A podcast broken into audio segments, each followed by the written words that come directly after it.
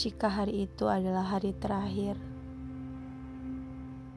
kenapa tidak ada kata selamat tinggal,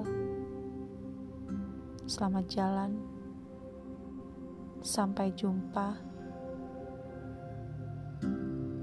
atau kata apa pun yang mewakili kalau hari itu adalah terakhir untuk kita? Tapi kenapa seakan kau membuat semuanya baik-baik saja, seolah tidak terjadi apa-apa? Kamu mungkin tidak tahu dan tidak merasakan bagaimana rasanya tinggal di sebuah rumah yang terlihat utuh dan terlihat baik-baik saja.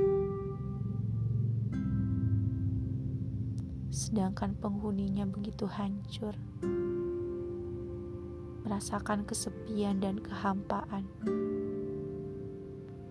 yang ia lakukan di sepanjang waktunya hanyalah menunggu,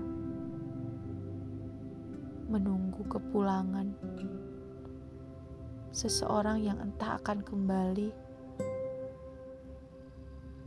atau atau ia tak akan pernah kembali.